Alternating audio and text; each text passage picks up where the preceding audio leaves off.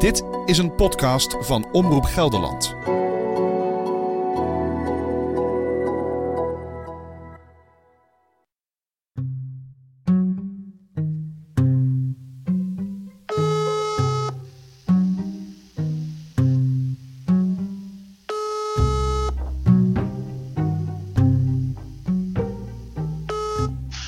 Frank.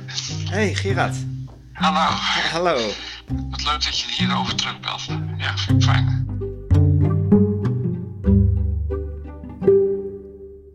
Ik moet eerlijk zeggen, Gerard, dat ik nog wel een klein beetje schrok toen ik het las wat jij mij stuurde. Ja. Eh, dat ik dacht van, oh jee, wat heb ik nou? Heb ik, ik heb je toch niet een hele vervelende dag bezorgd?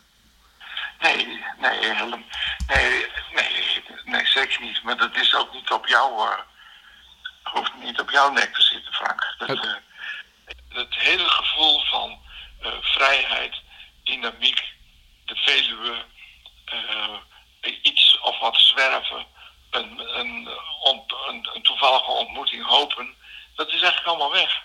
Je bent, bent gedwongen naar dat, naar dat ene wandelpad. De ziel van dat gebied, dat, het, is, het is eruit. Ja, het voelt alsof er helemaal niets meer van over is daar. Het is gewoon voorbij. Het is voorbij in die hoek. Het is een, eh, een, eh, aan- aangeharkt stuk bos geworden. En eh, ik heb jarenlang gezegd van, eh, strooi me maar uit op dat plekje waar die, eh, waar die, waar die stoel lag.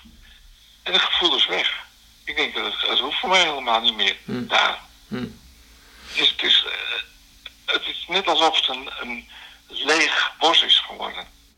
Maar dit gaat gebeuren, Gerard, met de hele Veluwe, denk ik toch? Tenminste, die kant gaan we op. Ja, dat denk ik ook. Dat denk ik. En Te veel, te, te, veel, te veel mensen die gebruik willen maken van dat gebied. Dus dat moet gereguleerd worden. Er moet op een andere manier mee om worden gegaan. Dus, Ja. hè, of tenminste om de natuur nog een kleine kans te geven.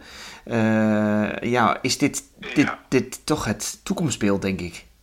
Ja, denk ik ook. Dat denk ik ook. En dat, dat is ook, ja, dat- dat, dat speelt ook mee. Dat ik dat zo'n rauw gevoel krijg. Ik denk, ja, die, die Veluwe, die, die ik kende, mijn Veluwe, die, die, die bestaat gewoon niet meer. Die is, anders, die is aan het verdwijnen.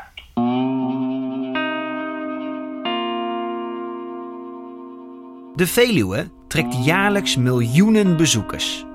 Met bijna 2 miljoen geregistreerde vakanties is het Nederlands populairste binnenlandse vakantiebestemming. Maar gevaar ligt op de loer. Het gaat namelijk niet zo goed met de natuur. Passen al die toeristen en recreanten nog wel op de Veluwe? Of ben ik met mijn komst medeschuldig aan de destructie van dit gebied? In dit verhaal wil ik uitzoeken waarom wij als mens zo graag de natuur ingaan. Wat zoeken we daar? En wat zijn de gevolgen van onze massale komst voor de natuurbeleving? Dreigen we iets kwijt te raken? Of kunnen we ervoor zorgen dat de volgende generatie de Veluwe ook nog kan beleven? Mijn naam is Frank Oosterwegel en je luistert naar de podcast Pretpark Veluwe. Dit is aflevering 2. Noodkreet.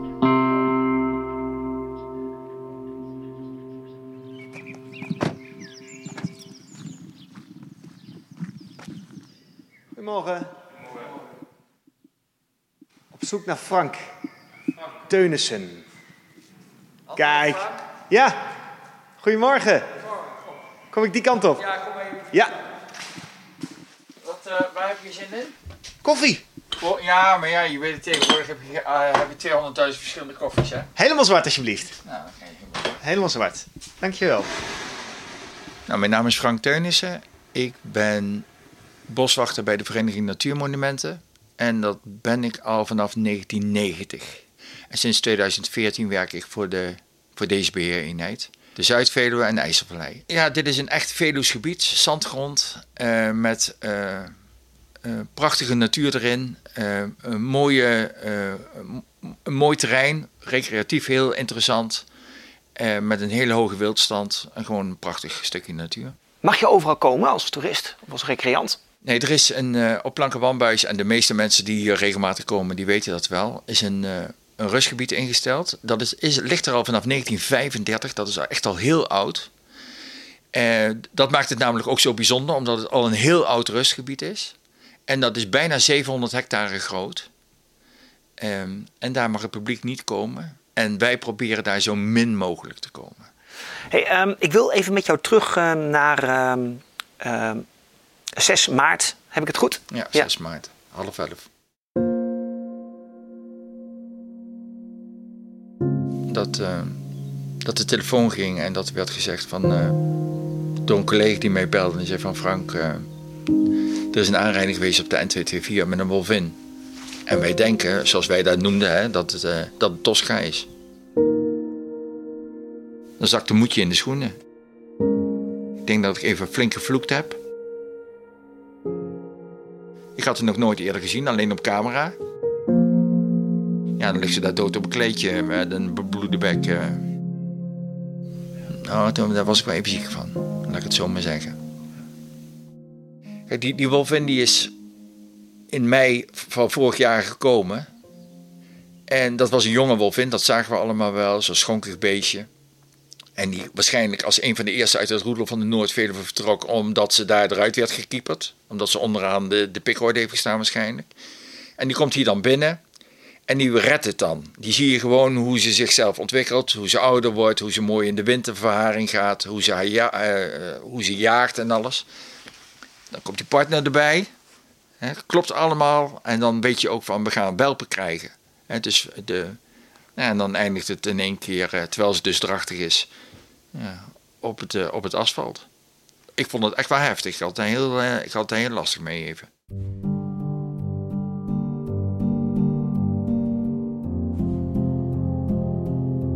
Teunissen klinkt aangeslagen als ik het met hem heb over de aangereden wolf. Hij hield sinds de komst van Tosca, zoals hij haar noemde, een blog bij en deelde videobeelden van wildcamera's. Onze massale komst naar de Veluwe levert volgens hem problemen op. Volgens de boswachter moet er daarom wel iets veranderen.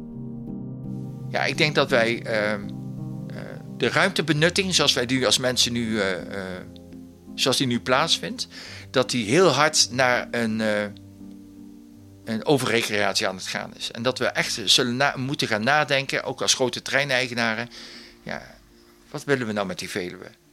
En daar past recreatie heel goed in. De mate van recreatie, nou, daar kunnen we over gaan discussiëren. Dus ik denk dat wij als mensen in de toekomst na moeten gaan denken van hoe gaan wij onze natuur gebruiken? Hoe gaan wij daarin recreëren? Wat willen we nou wel? Wat willen we niet? Want we willen ruiteren, we willen ATB'en, we willen crossmotoren hebben, we willen, iedereen wil wat, maar dat kan niet. Maar we willen ook nog wandelen, we willen ook nog die wolf spotten. Juist, willen- ja. En als je even die wolf wil spotten, dan moet je wel zorgen dat hij ook nog met zijn, eh, met zijn neus buiten een rustgebied durft te komen. eh, tussen zonsopgang en zonsondergang. Want anders dan doet hij dat namelijk niet. Dus zal er wel wat moeten gaan veranderen. Ik denk dat vooral het publiek, de mensen last van elkaar beginnen te krijgen. Ik merk dat in de reacties van mensen, dat de vrevel zit. Er wordt wel het argument gebruikt van, ze rijden padden dood en ze rijden... Maar volgens mij beginnen mensen zich aan elkaar te ergeren. Omdat de rust in het, in het bos aan het verdwijnen is. Omdat er allerlei vormen van recreatie plaatsvinden waar een heleboel mensen toch een broertje dood aan hebben. Het gaat erom dat er een groep mensen is die gewoon geen respect hebben voor de natuur. Die alleen maar voor eigen gewin eh, komen. Nou, die mentaliteit van dat soort volk, daar zakt mij letterlijk de broek van af.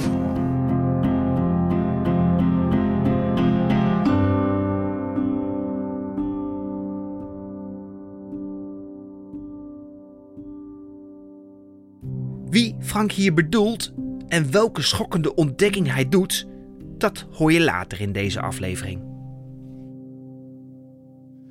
Dus we lopen nu even naar een plekje waar ik jarenlang heb gezeten. Een paar meter van het pad, een beetje verscholen. Ik had er allemaal dennetakken neergegooid om eh, achter te kunnen zitten. Nou, daar kijk ik van op zeg. De hele plek is veranderd hier. In de vorige aflevering ging ik met Gerard van Putten, groot liefhebber van de Veluwe, terug naar de plek waar hij vaak kwam om wild te bekijken en te genieten van zijn Veluwe. Het is inmiddels niet meer de Veluwe van Gerard. Hij kan er niet meer vinden wat hij er vroeger zo mooi vond. En is zelfs verhuisd naar Friesland. De drukte is uh, zo enorm toegenomen dat men vanuit het beheer uh, van allerlei plekken afsluit, omdat de hoeveelheid mensen de rust voor het wild in, gevaar brengt. Een, de edelheid is een herkauwer en die heeft per se een, een, rustige plek nodig. En ja, die plek, die wordt schaars en de, mensen, de hoeveelheid mensen wordt dusdanig veel dat er veel afgesloten wordt. Ik heb erg last van de drukte die ontstaan is. Door de hoeveelheid mensen, door het uh, beleid wat gevormd is, uh, wat er allemaal kan, wat er mag. er, mag. er gebeurt hier te veel om controle op te kunnen hebben. mountainbikers, geweienzoekers, loslopende honden. Uh, liggen er mensen in het rustgebied op een dode boom met een fles wijn. Mensen maken hun eigen regels op de Veluwe. Bordjes verboden toegang of rustgebied voor het wild. Misschien is het maar een kleine groep, maar het is een forse groep die dat niet meer uitmaakt. En die bepaalt gewoon zelf wat ze willen. Je hebt het, op de Hoge Veluwe hebben we het gezien. Hoge Veluwe was een uniek gebied, daar mocht je rondstruinen aantal, een klein groepje mensen heeft dat in het extreme doorgetrokken. En ging ook langs de rustgebieden door het veld. En met gevolg dat die hele regel verdwenen is. En je mag niet meer rondstruinen door, zoals vroeger. Door het gebied. En dat kleine groepje, dat kleine groepje wat de regels naar eigen hand zet, bepaalt dat ook voor de rest. Dus het is ook een beetje het gedrag van de mensen wat gewoon uh, verkeerd is gegaan de afgelopen jaren, naar jouw idee. Ja, absoluut. Absoluut. Ons eigen gedrag. Daar gaat het dus fout. Naast dat we de laatste jaren massaal naar de Veluwe komen, is ook ons gedrag daar aan het veranderen. Boswachter Frank Teunissen ziet die trend al jaren en vertelt mij in de werkschuur van Natuurmonumenten op de Zuid-Veluwe een schokkend verhaal.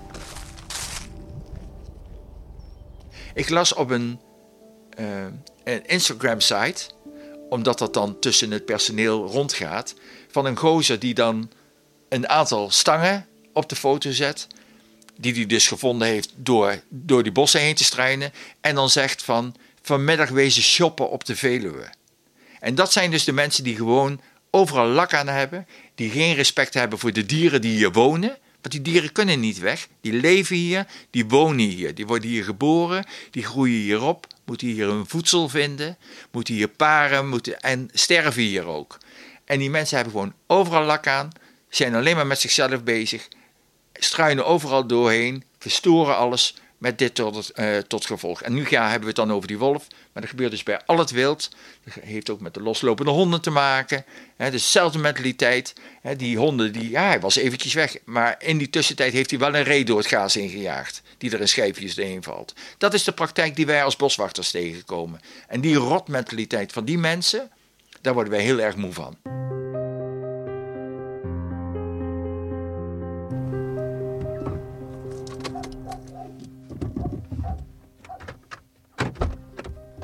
Mijn bezoek aan Frank en het verhaal van Gerard zette me tijdens het maken van deze podcast aan het denken. Wat is er eigenlijk aan de hand? De enorme groei van recreatiemogelijkheden en vrije tijd? Of is ons gedrag in natuurgebieden aan het veranderen? En doe ik daar zelf misschien wel aan mee? Goed zo, dat is braaf. Kan de stem van het bos mij antwoorden geven? Ik ben Jaap van de Borren en ik kom uit een uh, boswachtersfamilie van vele generaties. Ik ben op bezoek bij Jaap van de Borren, zelfbenoemd stem van het bos. Jaap woont al zijn hele leven in het bos. Op de Veluwe, op volgens veel mensen de meest afgelegen plek van Nederland. Als dat bos toch eens kon praten. Wat zou het dan zeggen?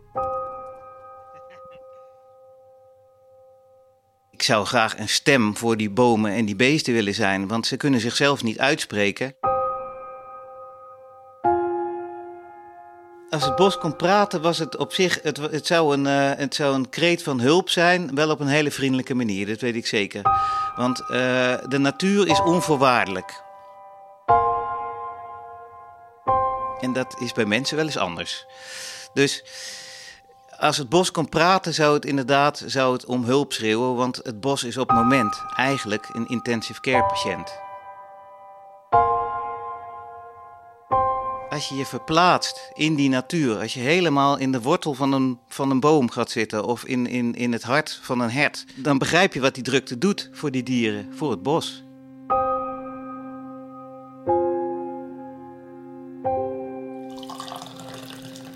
Dank je. Alsjeblieft. Hier, neem een stroopwafel voorbij. Goed eten, Frank, hè? Belangrijk. Dankjewel. Ja, lekker. Zo. hey, we zitten hier echt op een, eh, op een schitterende plek. Eh, Ja. hebben het mooiste uitzicht van eh, heel de ja, wereld. we kijken een beetje naar een levensschilderij. Ja, de plek waar ik woon is de mooiste plek van Nederland. En ehm, eh, vind ik zelf. Maar naar men zegt ook de meest afgelegen plek van Nederland. Want ik woon vanaf het dorp Loenen, een kilometer of vijf, zes, ik heb het nooit gemeten. eh, op de hei aan de rand van het bos. En ik heb geen buren. Ja, het meest afgelegen plekje van Nederland, denk ik wel zo ongeveer. Ja, ja naar men zegt. Naar men zegt. Ja, misschien in Groningen zijn er ook afgelegen plekken, maar op de Veluwe zul je dit verder niet vinden. Er ligt hier geen enkele kabel naartoe. Nee, ik heb een aggregaat voor eh, de elektriciteit en een zonnepaneel met een accu. En telefoon, dat doen we via de mobiele telefoon. Internet, dat gaat een beetje, maar dat heb ik ook niet zo hard nodig. Dat doe ik eigenlijk niet eens zoveel aan. En ehm, eh, ja, we hebben een, eh, een gasflesje om te douchen en om te koken. En dat is alles. Om warm water te krijgen. Om warm water te krijgen. Dus als in de wereld de stroom uitvalt, zie je hier nog een lichtbundel over de hei heen gaan.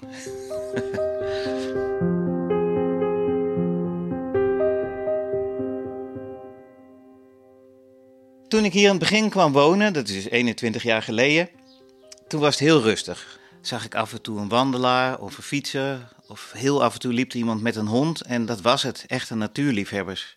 Soms een, eh, een, een, een sportfietser, maar dat was sporadisch. Nou, dus ik, eh, ik, ik was hier bezig en je kon eigenlijk doen en laten wat je wou. Je werd toch niet gezien. Op dit moment is het zo druk dat ik soms naar buiten loop. En eh, je kan bij wijze niet even tegen een boompje aan staan piezen, want er staan dan mensen naar je te kijken. Ik loop soms naar buiten en dan schrik je ervan hoeveel mensen er stilstaan of langskomen en die, eh, die hier het erf op, opkijken. En dat is, dat is, ik bedoel, dat is hun goed recht, dat is prima. Maar het is even om te omschrijven hoe ontzettend groot die verandering is. En hoe druk het is geworden. Op een zondag komen hier soms letterlijk duizenden mensen voorbij. Terwijl twintig jaar geleden kwam er op een dag soms, zag ik vijf man. En het regende niemand. In twintig jaar. Je moet je voorstellen, bijvoorbeeld hier eh, dwars door het bos heen loopt een, eh, loopt een, eh, een, een. Ja, je hebt een knoop, dat is een weg. Dat is nu net een soort snelweg geworden hier langs mijn huis heen. Dat is een knooppuntroute, dat is een trailroute, dat is een mountainbikeroute, dat is een ruitenroute, dat is een wandelroute geworden. Nou, dat is dus op een, eh, op een beetje mooie zonnige dag. Is dat gewoon een weg waar je met de auto zelfs niet meer op kan komen? Dat had ik niet kunnen bedenken jaren geleden. Maar in deze tijd eh, eh, moet ook met name door de, ja, doordat het niet zo goed gaat met de natuur. De stikstofdepositie, eh, ja, de, de, de tekorten aan die biodiversiteit. Moeten dieren met jongen ook overdag naar voedsel zoeken. Die hebben, die hebben eh, meerdere plekken in het gebied nodig, waar bijvoorbeeld mineralen liggen, waar water is. En die moeten die weg dan doorkruisen om bij bepaalde ja, stoffen te komen die ze nodig hebben. Dat lukt gewoon niet meer. Want het is één grote, één grote snelweg van, van publiek. Dat heeft echt een enorme vlucht genomen. En dat heeft natuurlijk heel veel impact voor dat natuurgebied. Voor mezelf ook, maar ik probeer mezelf altijd even opzij te zetten. Ik probeer te denken aan de bomen en de beesten, hoe het daarvoor zou zijn. En ja, je kan je voorstellen dat dat, dat, dat, dat, dat een, een, een, verandering is van letterlijk van dag en nacht voor die dieren. Hè?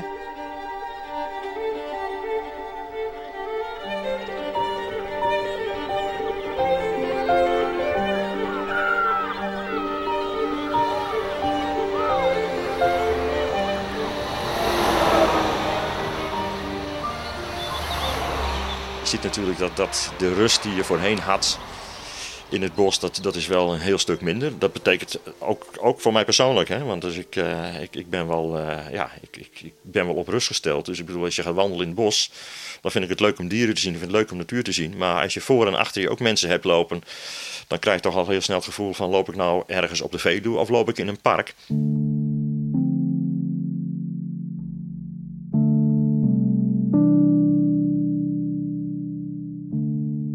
Nou, mijn naam is uh, Jan Otter.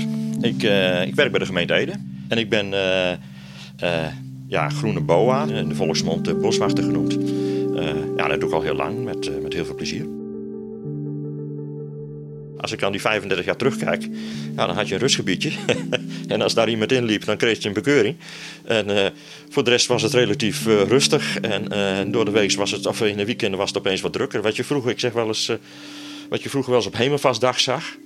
Dat waren echt de topdagen als het ging om, om publieksbezoek. Hemelvastdagen, mooie voorjaarsdagen. Mensen gingen vroeg op pad. Ja, tegenwoordig is het bijna elke dag Hemelvastdag als het gaat om, uh, om de hoeveelheden publiek. Ja. Dus dat is voor, voor sommige mensen, hè, maar er zijn misschien wel de, de groene freaks hoor, die denken van jongen, wat is die druk. Maar tegelijkertijd ook wel voor het wild. Hè. Een edelhet wat verstoord wordt, ja, die gaat geen 10 meter lopen, die gaat geen 100 meter lopen, die gaat 300 meter verder. Ja, en als je nu 300 meter loopt door het bos, kwam je voorheen op die 300 meter feitelijk niemand tegen. En nu kom je onderweg waarschijnlijk een mountainbiker tegen, een wandelaar en nog een natuurvosser met een mooi verrekijkertje jong. Dus met andere woorden, zo'n edelhet loopt van de ene verstoring in de andere verstoring. En, en wat ook wel een beetje uh, opvalt, vind ik de laatste tijd, van, van uh, mensen die trekken zich eigenlijk niet zo heel veel meer aan van hoe je het terrein inricht. En uh, als er vroeger een bordje rustgebied stond, dan werd dat toch wel gerespecteerd. En nu wekt het kennelijk heel veel nieuwsgierigheid op om vooral te gaan kijken in zo'n rustgebied. En, uh, dus de regels die wij heel vanzelfsprekend vinden, die zijn niet bij alle mensen meer vanzelfsprekend. En dat, uh, dat is wel iets, iets wat opvalt. Ja. Je ziet heel veel irritatie, groepen naar elkaar. Hè. Dat, dat, is wel heel opvallend. De mountainbikers zie je nu de laatste tijd heel veel. Hè. Die zijn toch wel een beetje de gebeten hond, zou ik bijna zeggen. Hè. Die kunnen eigenlijk weinig goeds meer doen. Hè. Er, zijn natuurlijk, er is best geïnvesteerd in, in. Uh, dat heeft een aantal positieve effecten gehad. Hè, dat de mountainbikers toch concentreert, concentreert op bepaalde routes. We hebben ooit in de jaren, eind jaren 80 is, is er een, een heel saneringsplan geweest vanuit de provincie om rustige gebieden te creëren, drukkere gebieden te creëren. Nou, je ziet dus dat er de huidige uh, tijd inmiddels weer uh, de noodzaak ontstaat om die sanering nog weer een keer goed onder de loep te nemen. En te kijken van hoe kunnen we groepen nog beter scheiden, hoe kunnen we nog beter die rustige gebieden in stand houden. Dus ja, die, die groepen onderling zie je toch wel, ja, er ontstaat toch wel wat. We zien het natuurlijk overal in de maatschappij wel een beetje, maar ja, dat, dat, dat, wekt irritatie op. Ja, men zou misschien wel wat meer begrip van voor elkaar moeten hebben.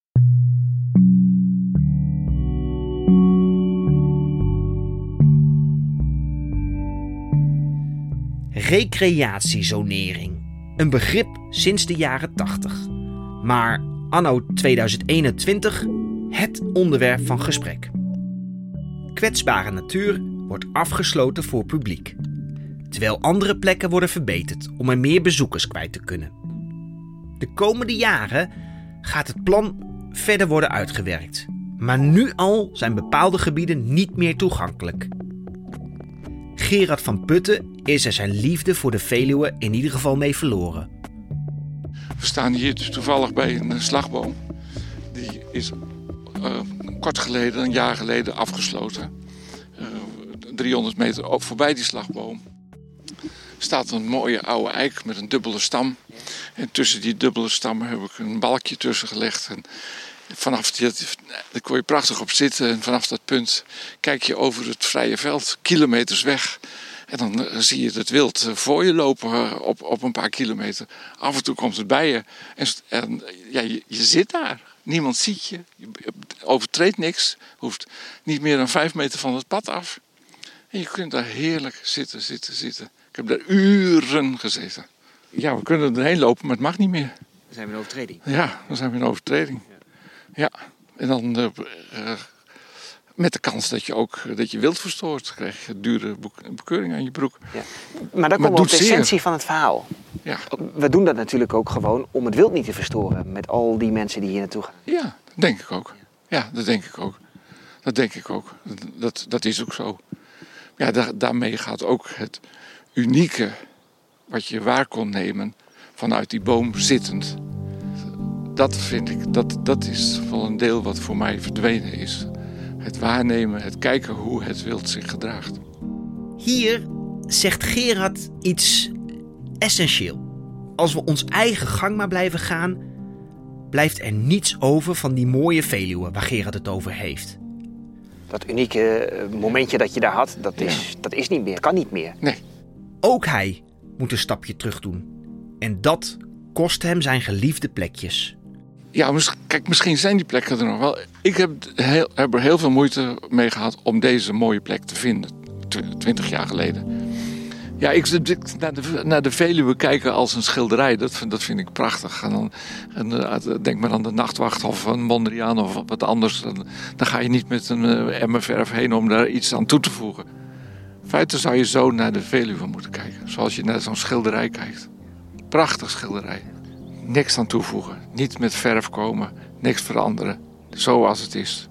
Puur, puur, puur. Kijk ook zo naar de Veluwe.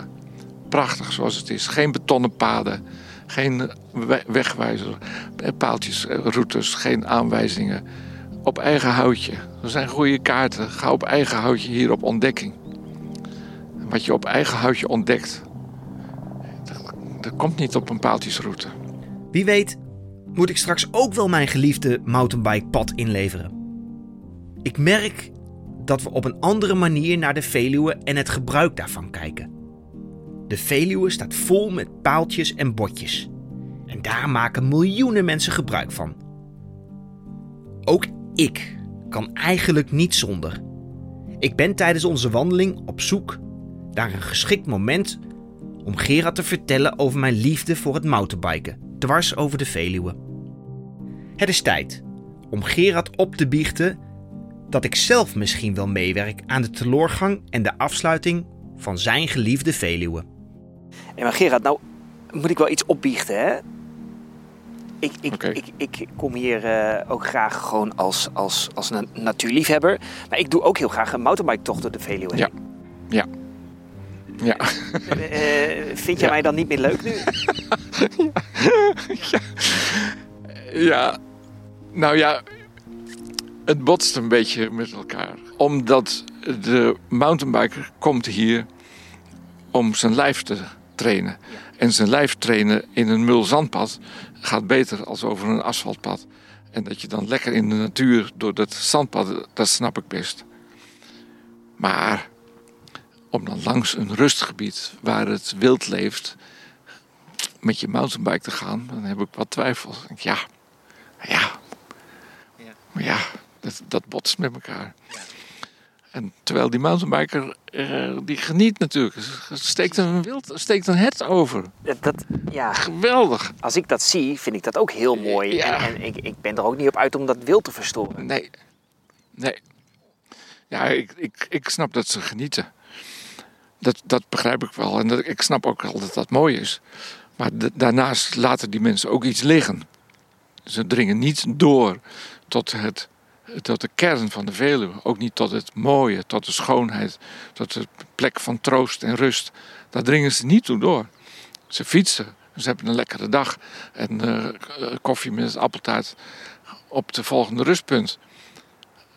Eh, Allemaal niks mis mee, heerlijk. Maar je laat iets van de schoonheid en van de diepte en van de oorsprong van de Veluwe, het, het intens mooie, laat je toch een beetje liggen. Ehm, ik zit ook te zoeken naar mezelf. Hè. Heb ik daar zelf ook een, eh, een ehm, rol in? Ik ben ook met die motorbike, ga ik die paden op. Ja, Eh, ik ga ook op vakantie naar Ja. een camping en zorg ook voor die druk misschien wel. ja. Ehm, zijn wij zelf als mensen die Veluwe ook een beetje kapot aan het maken dan? Dat, dat zijn we wel, dat vind ik wel. Ik weet niet of je dat de mensen zo kwalijk kunt nemen. Want eh, ik denk toch dat dat een, dan een taak is van een staatsbosbeheer en een overheid, en een kroondomein enzovoort. Natuurmonumenten, om die bescherming te, te bieden voor het gebied. En uh, dat gebeurt niet.